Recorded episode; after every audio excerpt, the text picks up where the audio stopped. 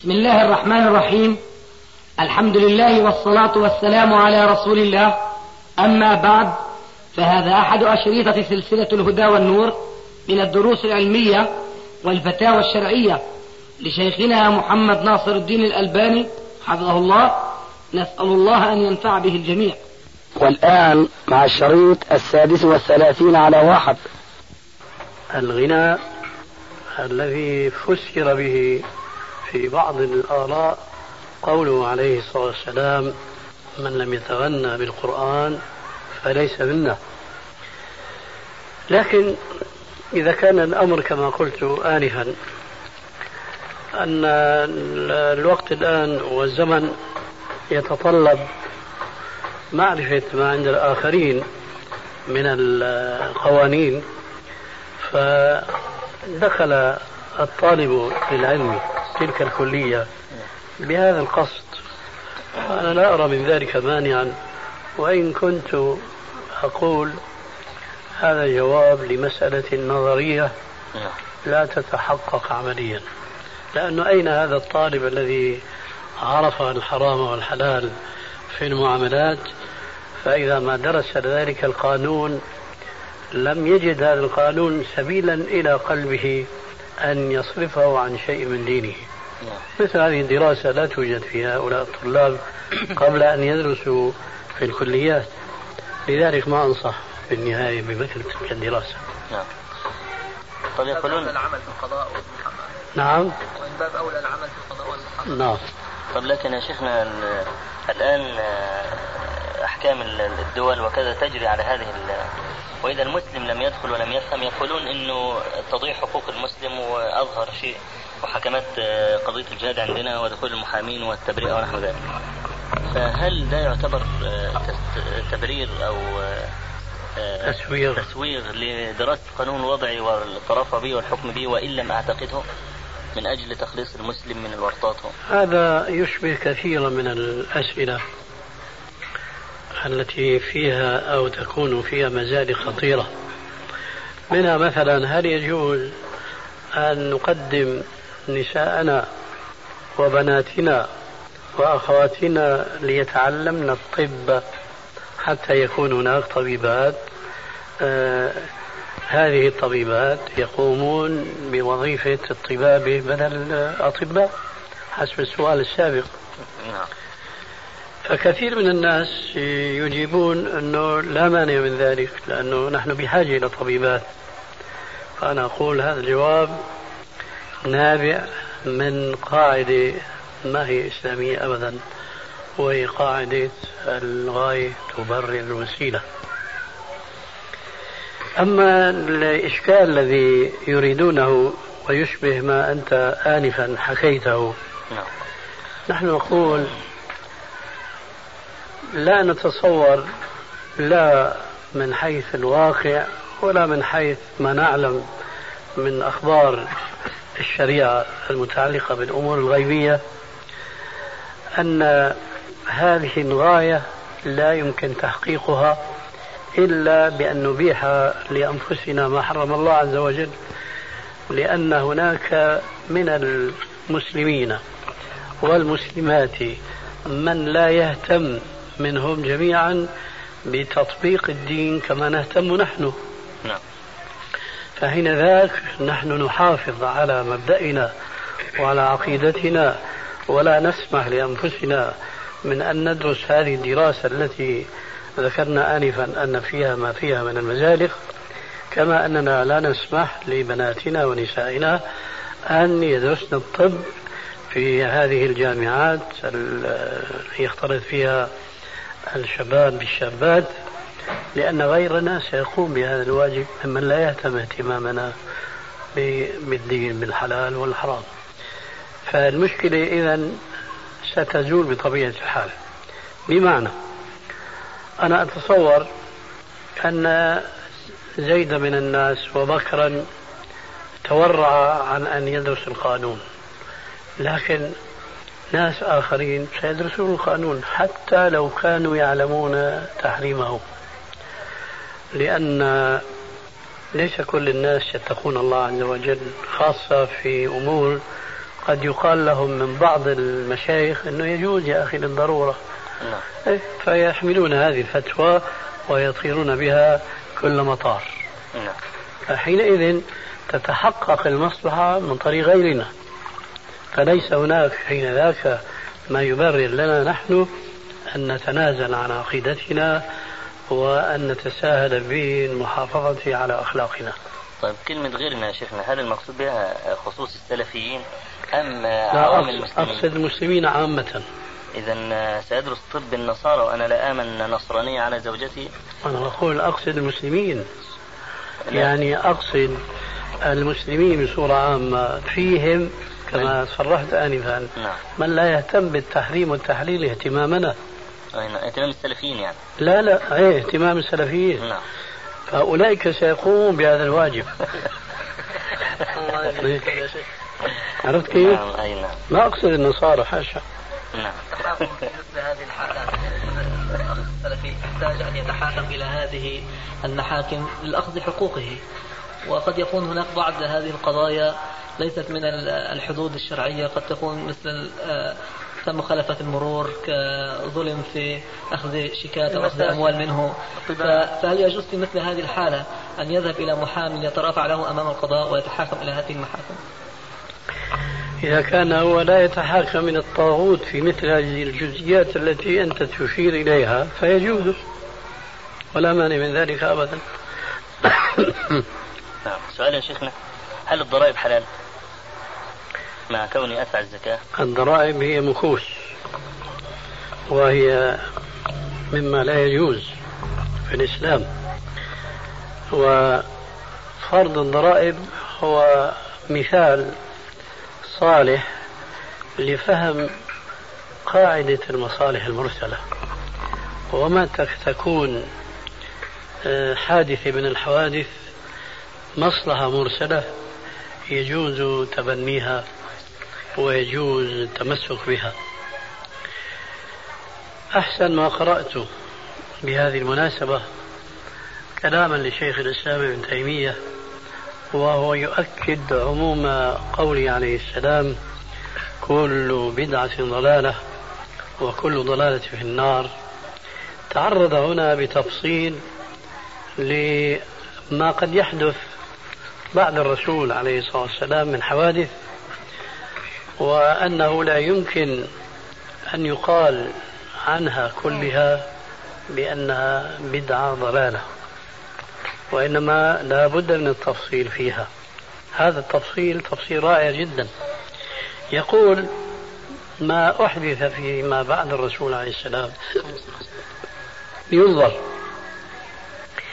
إن كان الدافع على ذاك الإحداث المقتضي عليه كان قائما في عهد النبي صلى الله عليه وآله وسلم ثم هو لم يسنه للناس فلا يجوز نحن أن نتخذ ذلك الحادث وسيلة لتحقيق مصلحة شرعية. لأنها لو كانت مشروعة لسنها رسول الله صلى الله عليه وسلم كما لا يخفى من أدلة معروفة بأن الشريعة كاملة لا حاجة للتذكير بها.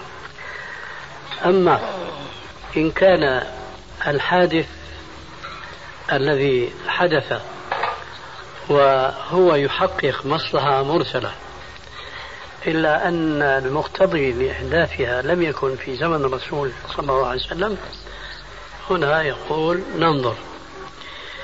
إن كان الدافع على إحداث هذه الحادثة التي تحقق مصلحة مرسلة هو تقصير المسلمين في جانب من جوانب الشريعة في تطبيقها.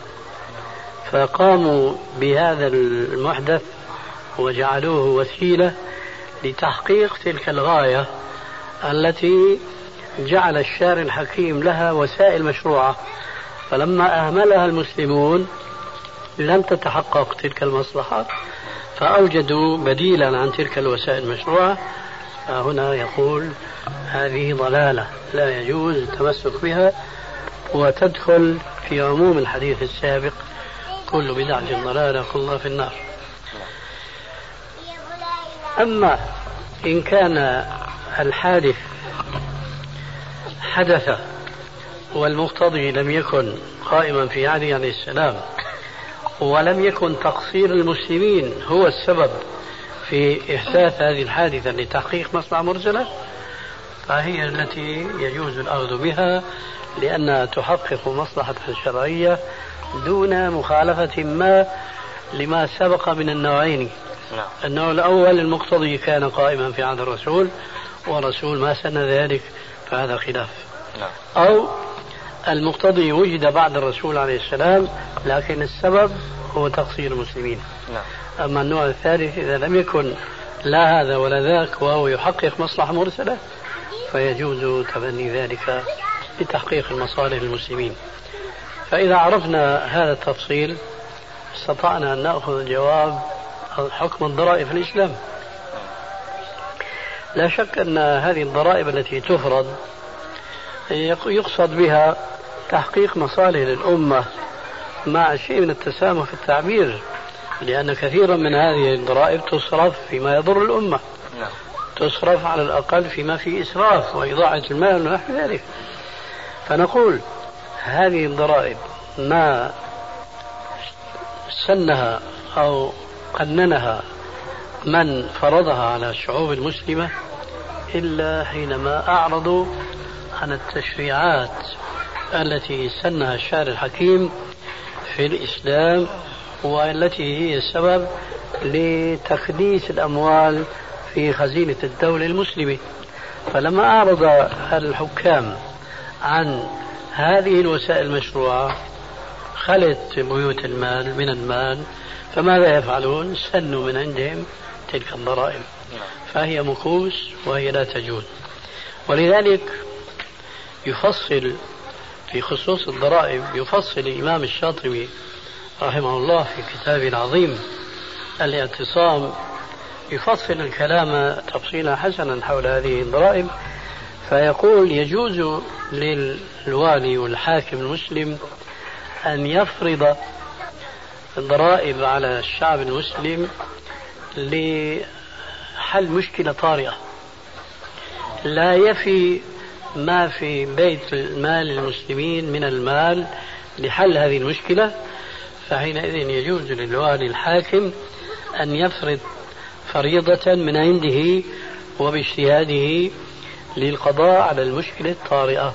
فإذا ما زالت المشكلة زالت هذه الضرائب.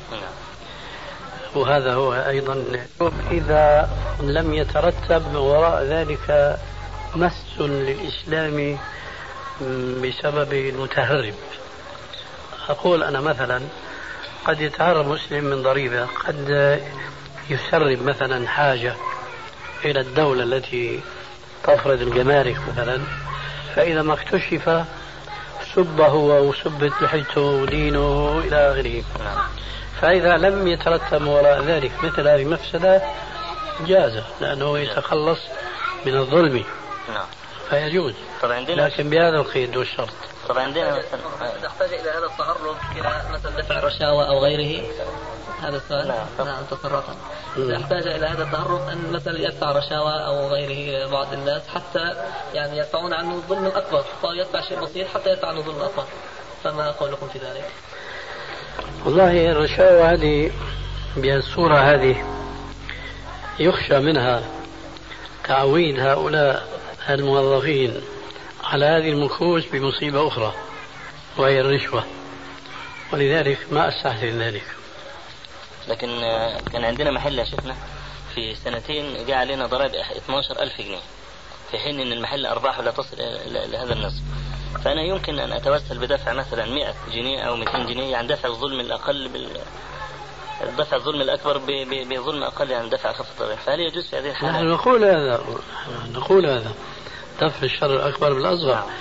بس يجب أن يراعى ما ذكرته آنفا لا يكتشف الأمر نعم. فيمس الدين والإسلام و... لكن طالما سرا جاز أما بينه وبين ربه فيجوز نعم طب في هل دخول النقابات جائز؟ يعني مثلا نقابة الأطباء بيقسموا قسم بقراط وأي نقابة بتحدث فيها أقسام مثلا بما معينة. مثلا بخصوص هذا فهل جائز هذا؟ أنا أعتقد أنه هذه النقابات كلها قائمة على غير الإسلام وقائمة على قوانين تخالف الإسلام. هذه النقابات مثلا حسب تصوري الموضوع قد أكون مخطئا لابد من أن تجمع الأموال مثلا من المشتركين في هذه النقابات. فهذه الأموال أين يذهبون بها؟ يودعونها في البنوك. نعم. فإذا سيكون المشترك فيها شريكا لهم. فلا يجوز وهذا سبب من أسباب آه، طبعا أنا لست خبيرا بتفاصيل هذه النقابات لكن أعرف في الجملة أنها تقوم على القوانين الأرضية هذه المخالفة للشريعة الإسلامية. ولذلك فلا يجوز للمسلم أن يكون شريكا فيها نعم. إلا بقاعدة إلا ما اضطررتم إليه وما أظن أنه هذه القاعدة ترد في مثل هذه القضية. نعم. الادخار والتأمين الذي تفرضه الدولة على الموظفين أيضا هذه الأموال يعني توضع في بنك الإسكان وغيره. هذا ليس باختيارك أما هنا الاشتراك في النقابة فهو باختيارك لكن يعني لا يختلفان. المشترك يذهب في آخر في آخر عمله إذا استقال يذهب ويأخذ هذا المال. يأخذ حقه فقط. فإن تبتم فلكم رؤوس أموالكم. لا تظلمون ولا تظلمون. عفوا بالنسبة لاشتراك يعني المهندس أو الطبيب أو الصيدلي في النقابة فرض عليه وليس إيش باختياره؟ سبق الجواب. نعم. فيكم نقابة أنتم نقابة. بسببهم طيب يا شيخنا. فيها شوية مي نعم. رجل ذهب إلى أمريكا وذهب لضرورة ملحة. نعم. يعتدي على أهل عمان بليلة أنت في عقر دارنا. لا يأخذ على خاطرك. نعم. رجل ذهب لأمريكا في مثلا بعثة دراسية آه، لصالح المسلمين أو نحو ذلك أو ذهب بسفر مضطر لا خيار له فيه. وطبعا يخشى أن يفتتن. فقال يعني هل يجوز لي أن أتزوج امرأة كافرة مؤقتا؟ يعني أقضي معها هذه الفترة حتى لا أقع في الزنا أو نحو ذلك ثم أطلقها. و... ولماذا هو يفترض هذه الفرضية أتعجب أنا. جدا من هذه القضية هو يتزوجها تزوجها نعم. فليتزوجها فإن أعجبته أعجبه أن تبقى معه إلى الأبد احتفظ بها وإلا طلقها. لماذا يفترض هذه الفرضية ولماذا يقول؟ إيه ولماذا يقول في نفسه أنا أتزوجها لمدة سنتين؟ نعم. هذا آه هذا التفكير ممكن أن يعتبر تفكيرا سليما فيما لو كان هذا المسلم لا يعلم بأن الطلاق في الإسلام مباح.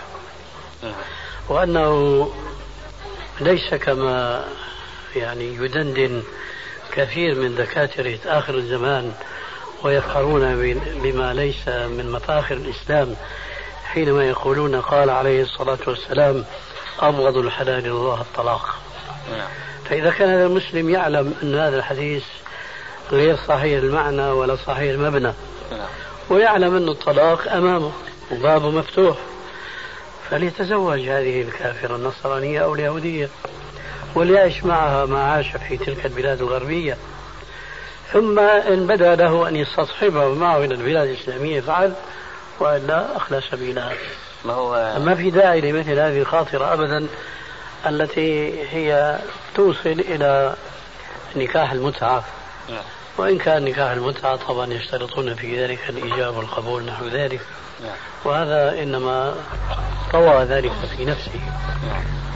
فما في إشكال يعني حتى آه، يسألوا مثل هذا السؤال يتزوجها وانتهى الأمر ما هو يخشى يقول أنا أخشى أنها يعني أقول لها ارجعي معي فترجع فالزوجة الأولى يعني تقلب البيت على رأسه يعني.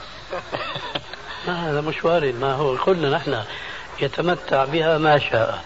نعم. فإن بدا له أن يعيدها إلى البلاد الإسلامية. بدون أن يحدد فترة في لأن الصورة اللي عم تجيبها أنت سبق الجواب عنها. والله بدا له أن يعود بها لكن ستقوم عليه القيامة. مع السلامة. انتهت المشكلة. يطلقها آه نعم. يعني اذا هو لا يحدد فقط. الجواب سبق نعم. نعم. اللي بخاف ما يعملش شيء. شيخنا في واحد سأل من الشباب سمع شريط كان سأل فيه أخونا عمر الأشقر حول الموضوع هذا. فكان سؤال أخونا عمر الأشقر إنه رجل أجبر ابنه على الزواج من بنت عمه بنت عمه أو أي واحد يعني وهو هذا الإجبار في نيته ما هو راضي عنه. فبعد ما توفى الله والده طلقها وفي نيته كان ناوي بعد ما يموت والده يطلقها وفعلا طلقها. فهل تدخل في هذا المجال؟ لا ما تدخل لأنه مكره أخاك لا بطل. زواجه صحيح ولو النية أي نعم. لأنه النية أخي إذا لم تعلن لا يحاسب عليها الإنسان. لكن ليست من الكمال. يعني هل واحد فكر هيك طويلا إنه الليلة بده يعملها ليلة حمراء شايف؟ وبعدين صرف نفسه عنها أو صرف عنها أو إلى آخره هذا من يسر الإسلام صرف ذلك عنه لكن هل هذا حسن بالنسبة إليه؟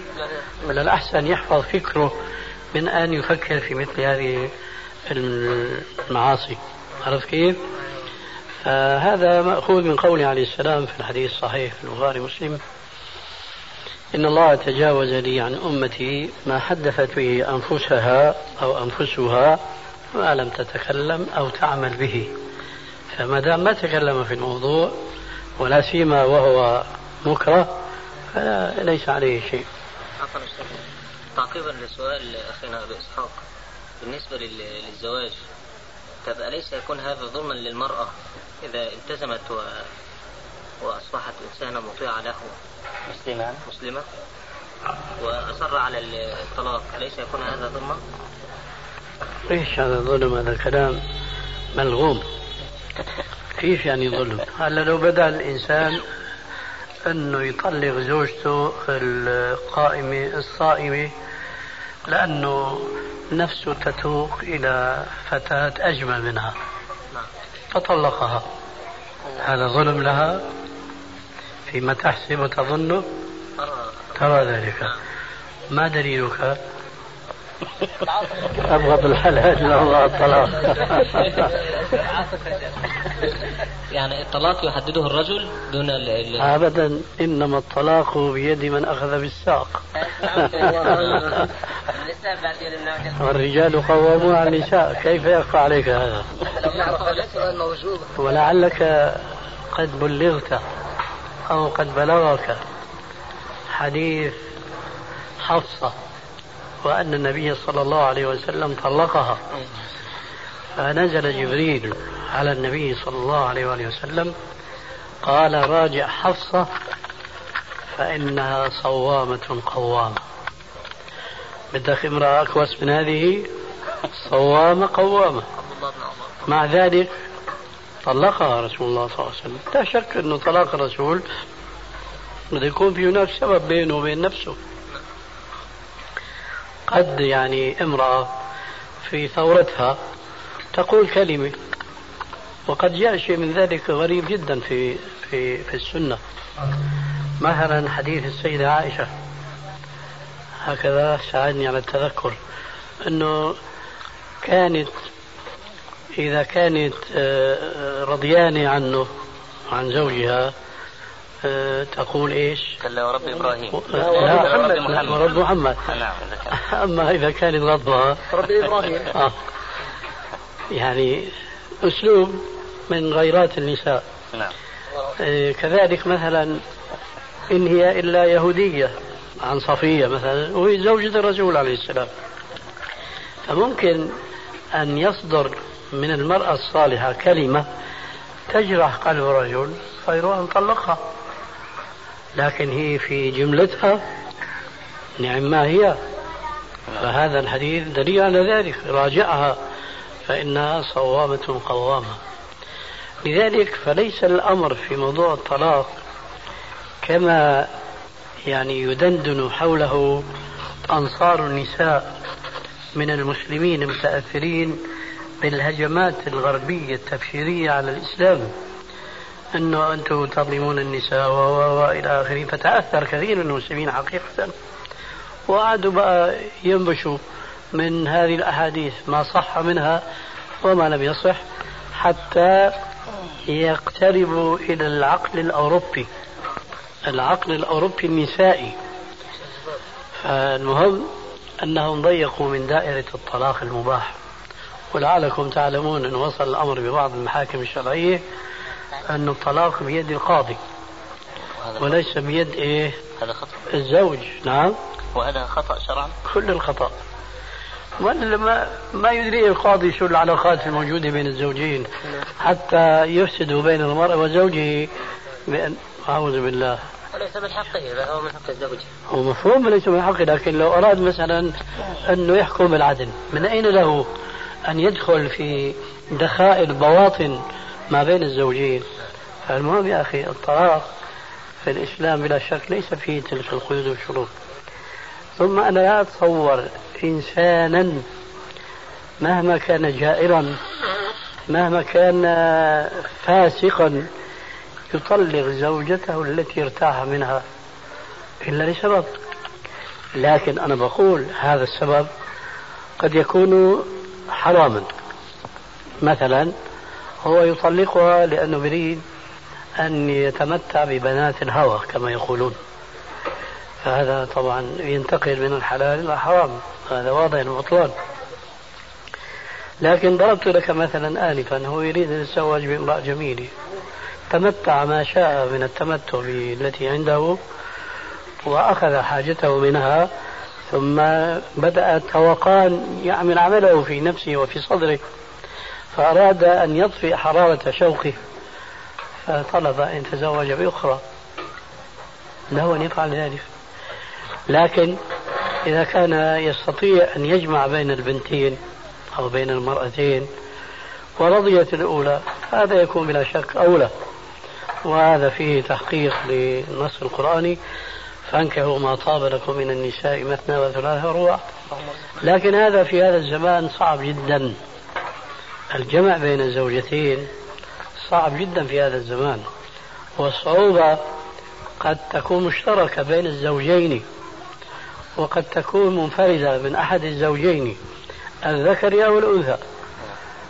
فأنت مثلا قد تكون رجلا صالحا وإذا جمعت بين الزوجتين آه، تحكم بينهما وتقسم بالعدل كما هو معروف في الشرع. لكن إحداهما لا تساعدك على ذلك إما القديمة أو الحديثة. لفساد أخلاق المجتمع لفساد أخلاق أهل الزوجة الأولى أو الأخرى. ولذلك على الرغم من صراحة الشريعة الإسلامية بإباحة التعدد أنا لا أنصح اليوم بالزواج للمشاكل التي تقع. الزواج الثاني طبعا كلام السياق والسباق من المقيدات يقولون. لا أنصح المسلم أن يتزوج على زوجته إلا لضرورة ليس من باب الشرع لا من باب مراعاة الواقع. نصلي؟ لا أسألك يا شيخ. ما إذا أنا أغير وضعي. يلا بسم الله. اي ما هذا شوي. لا ما خليني أخذ راحتي. لا نتعبكم برفع أسلحتكم. لا ما شاء الله. يا شيخ بالنسبة. يلا ان شاء الله ان شاء الله اجلس نسألك بالنسبة لمجموعة التشريعات ما تسمى بالقانون المعمول في المحاكم الشرعية الأردنية. المرأة تكون متزوجة من رجل تغضب من الزوج. تلتجئ لبيت أهلها بتجلس ببيت الأهل. ترفع دعوة يسموها الدعوة نفقه معجلة. القاضي بيجي بيسألها كم يأخذ زوجك؟ تفتري على الزوج بتقول له 150 200 دينار بفرض عليه 80 دينار. تبقى ببيت أهلها سنة كاملة تأخذ منه النفقة. فهل يجوز لها هذا أن تأخذ النفقة من الزوج وهي في بيت أهلها؟ إذا كانت ناشزة لا يجوز.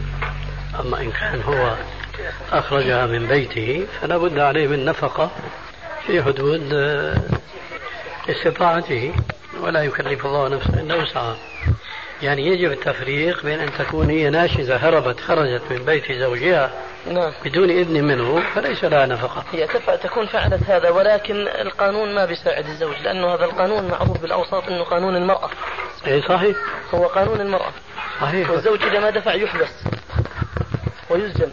صحيح. أما المقصود هنا من السؤال الجواب واضح. الجواب واضح. نعم. جزاكم الله خير.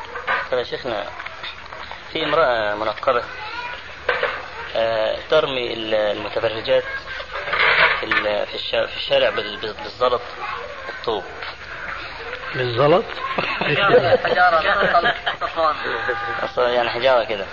ويعني تأمر البنات بناتها بأنهم يفعلن نفس الفعل فبيحملوا الحقائب ملآنة بالحجارة شو هذا خيال ولا لا رواية؟ لا والله موجود عندنا في.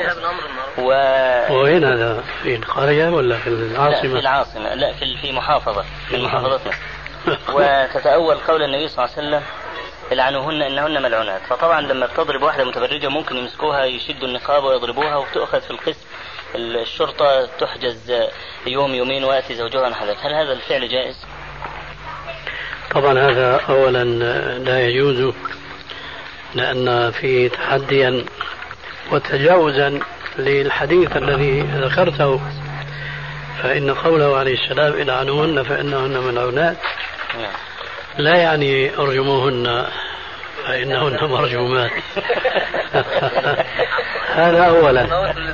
هذا أولا. وثانيا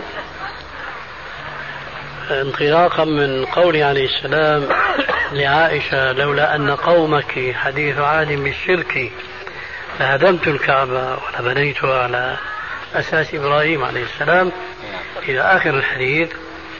فهذا الحديث يدل على أن المسلم ينبغي أن يتبنى سياسة الرسول عليه السلام هذه في معالجة المنكرات.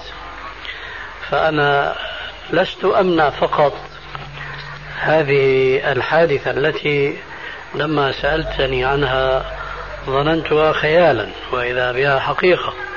لست أنكر هذا فقط أنه لا يجوز شرعا بل أنا أقول لا يجوز للمسلم المتحمس اليوم في تطبيق الحديث السابق أن يقول للسافرات المتبرجات لعنة الله عليكن.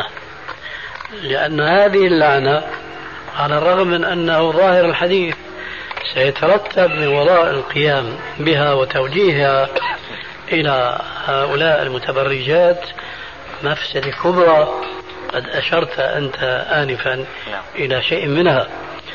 فحينئذ نرى استعمال المرتبة الثالثة من مراتب الأمر بالمعروف والنهي عن المنكر.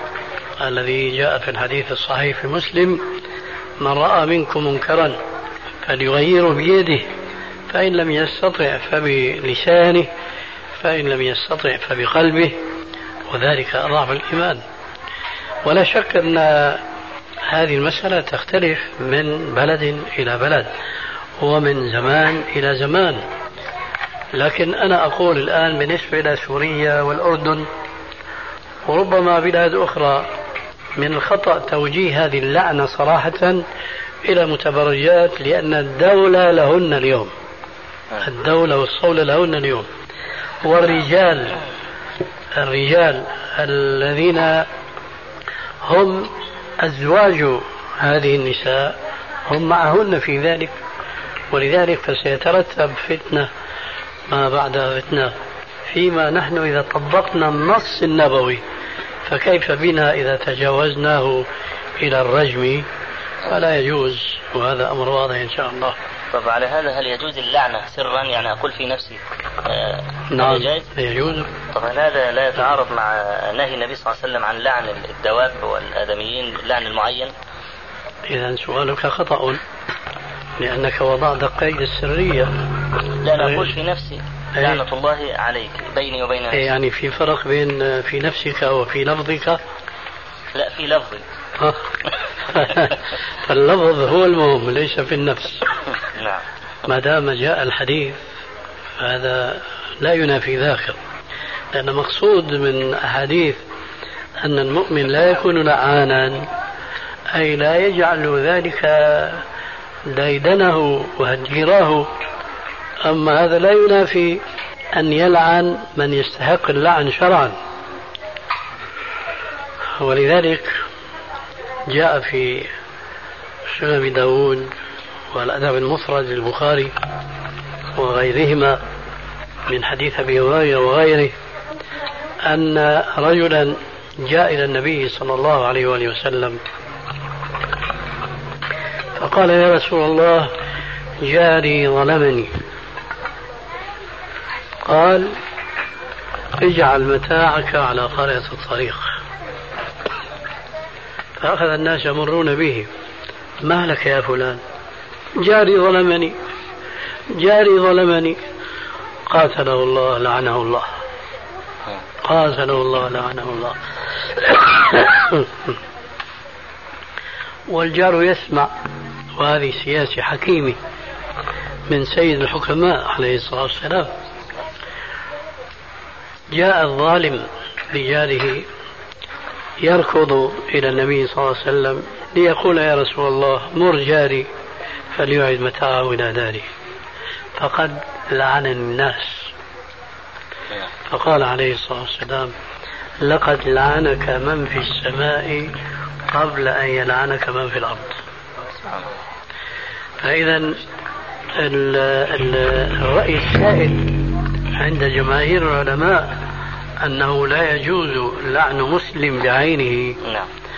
هذا ليس على إطلاقه وهذا أقل ما يقال نعم. لوجود مثل هذه الأحاديث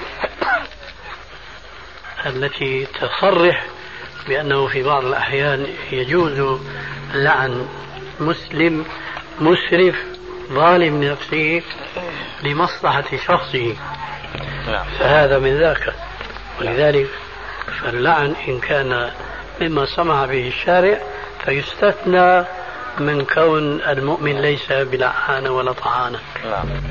هذا جوابي. معنى اللعن في هذه الحالة وأيضا الطرد من الرحمة ما في ما في غير هذا.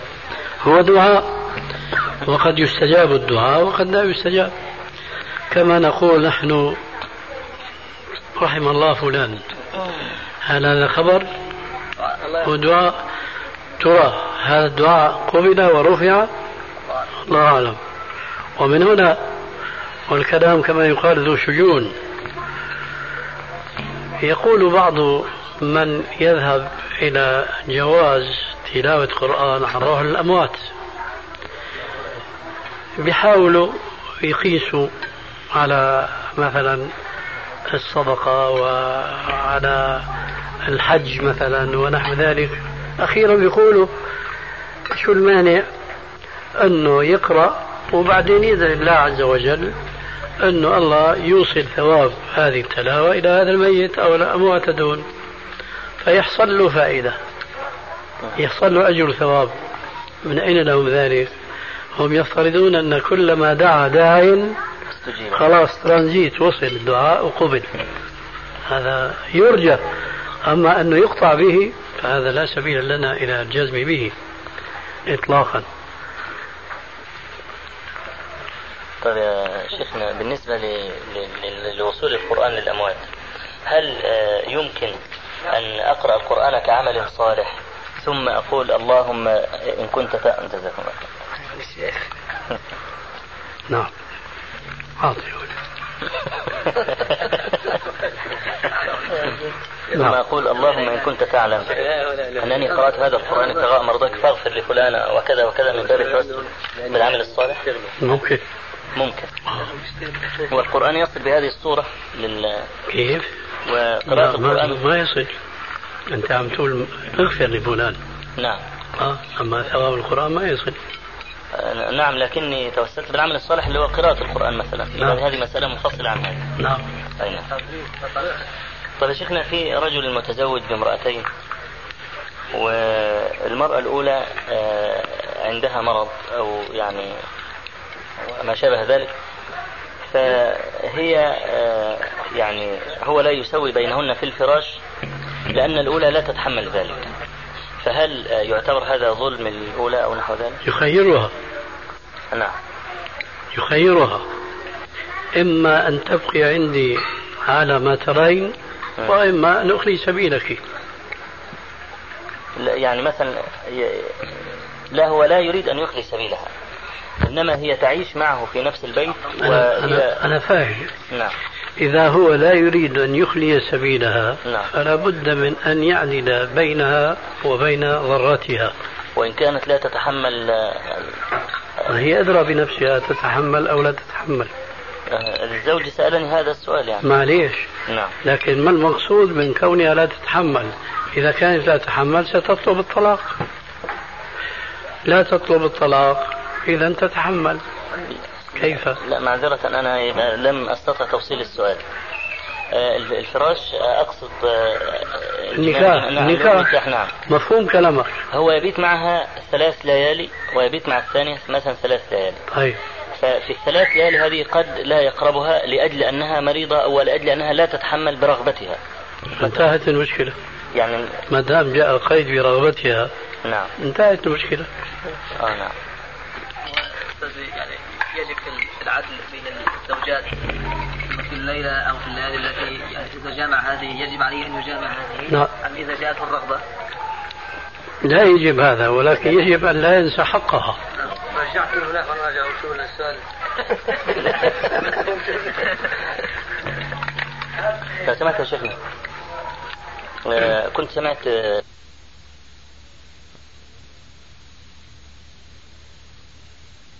والصحية والبدنية أنا ما توقفت عن هذا فقط توقفت عن أشياء كثيرة.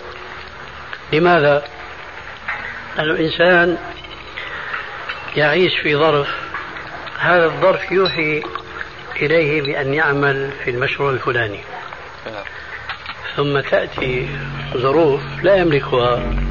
تصرفه عن متابعة هذا العمل. نعم. فيجد له مشروع ثاني. مثلا تعليقات الجهاد على ما زاد المعاد. نعم.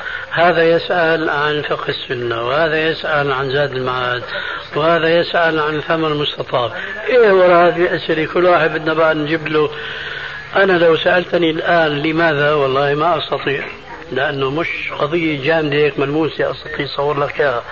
لكن أعرف مثلا زاد المعاد كنت آه، أدرسه على إخواننا هناك في دمشق وأنا من دأبي ألا أتبنى رأيا إلا بعد تمحيص أقوال العلماء أدلتهم وتبني رأي الراجح منها.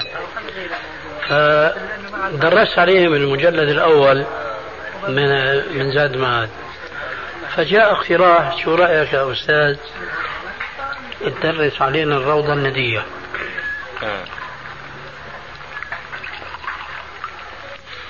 على اعتبار أن الروضة مكثف كما تعلمون. بينما زاد المعاد مفصل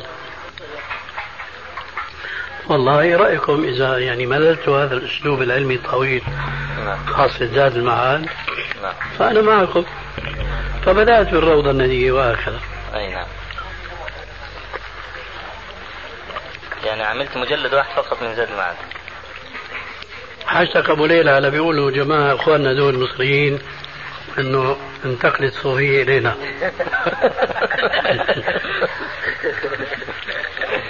نعم أقول عملنا المجلد الأول من زاد المعاد نعم. وهكذا جاءت مناسبة تزوج أحد إخواننا. قال لي شو رأيك تألف لي رسالة في آداب الزفاف السني؟ وهو من أعز إخواني هناك. قلت له حبا وكرامة. تركت كل شيء وتوجهت للرسالة هذه. نعم. وهي عبارة عن مريقات صغيرة. نعم. بعد ذلك جاءت مناسبات أخرى. فتوسعت حينما أتوسع في هذا أترك ذاك أترك ذاك. وهكذا فالإنسان لا يملك أن يمشي حسب المخطط النظري الذي هو يرتئيه. هو الدافع لهذا السؤال ان عندنا في مصر آه، مشهورة أن الشيخ سيد سابق هو الذي طلب منك التوقف عن النقد هذا لا أصل له إطلاقا. لا أصل له. أبدا. ولا سمعت به إلا هذه الساعة. هذا معلوم. هذا منتشر يا أستاذ كيف؟ هذا معلوم من ه- هذا منتشر جدا يعني. غريب والله. نعم غريب جدا. نعم. الشيخ سيد سابق نفسه في المعسكر التاسع لجامعة القاهرة آخر معسكر إسلامي. كان ذكر قال إن الشيخ الألباني أرسل لي مجلدات إذا آه، تعليقات إذا أضفتها للفقه السنة يصبح مجلدات. فأنا رفضت. قال هذا أمام جمع كبير يعني. هذا غير هذا. لعله ما فهم هذا. وانت ظاهر لك؟ عود يا أخي. خلاص. هذا غير هذا. أليس هذا غير هذا؟ نعم. نعم هو طبعا الفرق إن أنا روايتي إن الشيخ سيد طلب إليك. اي نعم. لا أنا هذا لا اصل له. أما هذا صحيح. واللي وقع أحد إخواننا المصريين يومئذ كان من إخوان المسلمين الذين فروا من ظلم عبد الناصر نعم. وجاءوا إلى سوريا. فلما اطلع على تمام المنه في التعليق على فقه السنة. قال أنا أرى أن هذا الكتاب يعرض على السيد السابق لعله يصير تعاون بينك وبينه فيطبع كتابه مع تعليقك. قلت له أنا ما أظن هذا يمكن أن يقع لكن لا أمانع. وعلى هذا الأساس أعطيته المقدمة والجزء الأول. ولحكمة, ولحكمة يريدها الله تبارك وتعالى وهذا على خلاف عادتي. كلفت بعض إخواننا أن يبيض المقدمة. فاحتفظت بهذا التبييض عندي وأرسلت المقدمه والجزء الأول اللذين هما بخطي. مع هذا الرجل فسلم ذلك للسيد سابق على أساس أنه يأخذ منه الموافقة على أن يضم هذا التعليق إلى كتابه. بقي المقدمة والجزء عنده أكثر من سنة. والرجل صاحبنا الوسيط رجع إلى دمشق ووكل أحد أخواننا هناك بمتابعة السيد سابق. فكنت أراسله فيقول والله أنا راجعت الشيخ وبيقول اليوم وبكرة اليوم وبكرة. وأخيرا أرسل إلي الجزء الأول دون المقدمة. وقال صاحبي الذي كنت راسله الشيخ يقول ما أدري وين المقدمة. فهذا كل ما وقع. نعم. وليس أكثر من ذلك. لا هذا لك. هذا لك لك لك. لك شيخ. مني إليك. جزاك الله خير. تفضل. الأخ الحويني يعد بحثا طيبا في باب ترجمة شيخنا من ضمن الأسئلة التي في البال نسأل قد عاصرتم وعشتم في سوريا وعشتم في الأردن. نريد يعني تقييم منك للدعوة السلفية كمنهاج لطلبة العلم. كانوا مجدين ونشطين كانوا في سوريا أم لشباب الأردن من ناحية الالتزام بالمنهاج والأمانة العلمية كذلك بالتأليف وغيره. شباب مصر ما عاش الشيخ يعني؟ كنت نسأل هذا تفيد بالترجمة. آه ما عندي شيء أقوله في هذا. لأنه القضية كما يقال من أصعب الصعوبات بيان البداهيات فالمسألة هذه واضحة ما تحتاج إلى شرح كثير أن طلاب العلم عليهم أن يجتهدوا وأن يقدموا إلى الناس الذين هم بحاجة إلى علم جديد من جهودهم وليس أن يكونوا نسخة أخرى أو جزء من نسخة أخرى يقدمونها إلى الناس. كما حدثني بعض أصحابنا السلفيين في دمشق قال قيل لأحدهم من الأذكياء السلفيين في دمشق الشيخ فلان يحفظ صحيح البخاري عن ظهر غيب فأجابه باللهجة السورية تشرفنا نسخة نسخة من صحيح البخاري زادت واضح هذا الكلام؟ آه. فشو الفائدة إذا واحد إجا أخذ كتاب شوي من هون وشوي من هون وشوي من ذاك كتاب فلاني وقدمه للناس فهو لم يأتي بشيء جديد. فنحن نريد من إخواننا أن يسلكوا سبل علمائنا المتقدمين الذين كانوا يتبعون من قبلهم ولكن بالإضافة إلى ذلك يضمون علما جديدا إلى ما ورثوه من علوم المتقدمين. وأنا أعتقد أنه الآن أمس في الأمس القريب كنت أتحدث وقد سألني سائل هل تستبشر خيرا في العصر الحاضر من الناحية الإسلامية وأنه في تقدم؟ قلت نعم في تقدم من الناحية العلمية. لكن هذا التقدم العلمي إذا لم يقترن مع التقدم السلوكي فشره أكثر من خيره. ولذلك فأنا أدندن في كثير من الأحيان حول محاضرة كنت ألقيتها نحو عشر سنين من الزمان هنا في عمان بموضوع التصفية والتربية. التصفية تتعلق بالعلم. التربية تتعلق بالسلوك. فالآن العلم وتحرك العلم بالسنة واضح في العالم الإسلامي كله. وهذا يبشر بخير لكن السلوك ما تحرك أبدا كجماعة كأمة. نعم. إلا كأفراد قليلين. وهؤلاء الأفراد موجودون في كل زمان في كل مكان لكن كقلة ازداد سوءا. آه. ولذلك إذا لم يقترن مع تصفية العلم تصفية النفوس من أدرانها نعم. وأوساخها في سلوكها فلا يكون ما يسمى اليوم بالصحوة الإسلامية صحوة حقيقية. نعم. هذا ما لدي الآن. طب لو سمحت يا شيخنا آه، كنت بصدد عمل ترجمة للشيخ أحمد شاكر. م.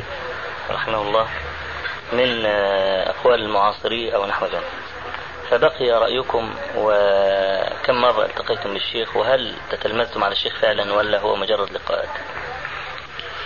لا ما أتيح لي التتلمذ عليه وإنما لقيته في أول ما لقيته في مكة.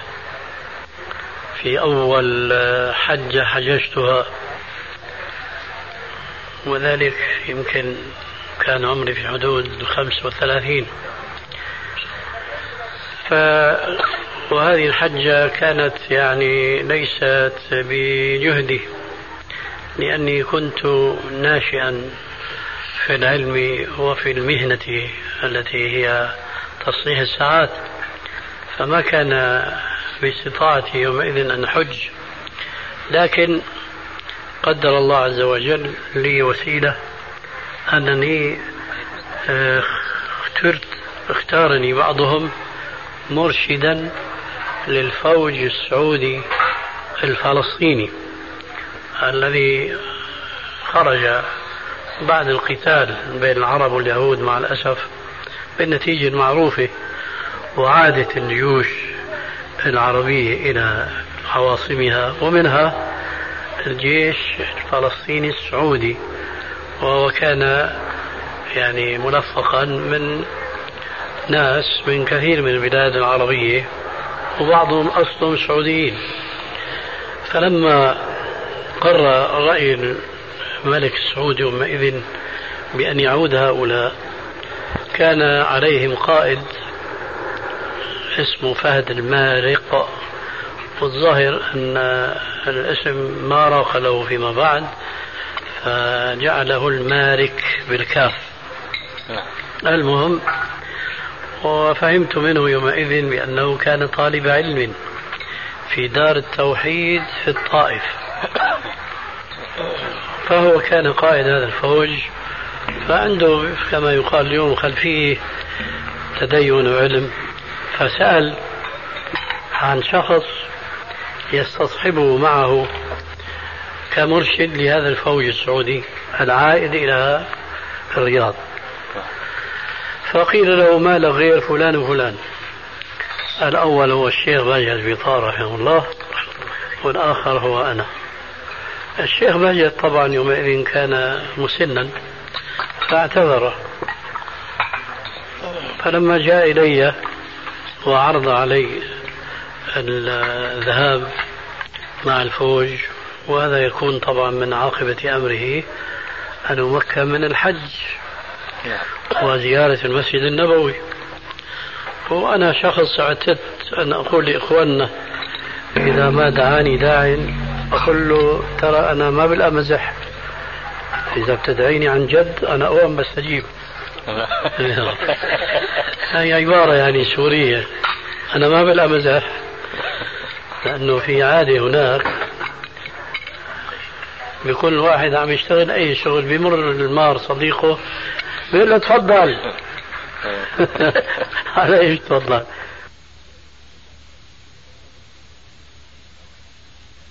تفضل.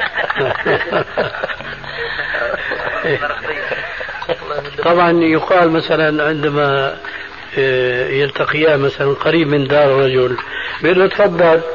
بيقول له ترى أنا ما بلا مزح صارت عن جد يعني. فأنا تائب طبعا للحج ولا أستطيع فلما عرض علي هذا قلت ما عندي مانع لكن سأستشير والدي. ووالدي رجل متدين وعالم. بالفقه الحنفي وبما يسمى بعلوم الآلة لكن أنا نشزت وشذت عنه حينما سلكت مذهب أهل الحديث.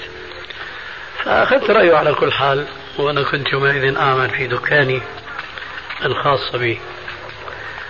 قال لي ما في مانع أنت بتعرف مصلحتك. المهم سافرت. وكان من الدوافع. على هذا السفر لأنه السفر يعني ما بيطمع السفر. ليه؟ لأنه الركوب على سيارات الجيش الضخمة اللي هي الأثقال والأحمال. لكن الشوق أولا للحج إلى بيت الله الحرام وثانيا للقاء أهل العلم هناك. لأنه كنت أقرأ في مجلة المنار وكان عندي علم بالشيخ أحمد وعندي علم بحامد الفقي وبعض شخصيات يعني سلفية. فقلت ما راح أستطيع ألقاهم إلا في المسجد الحرام. فكان أول من سألت عنه هو حامد الفقيه رحمه الله. كان فيما يبدو سليط اللسان. كان نزل في فندق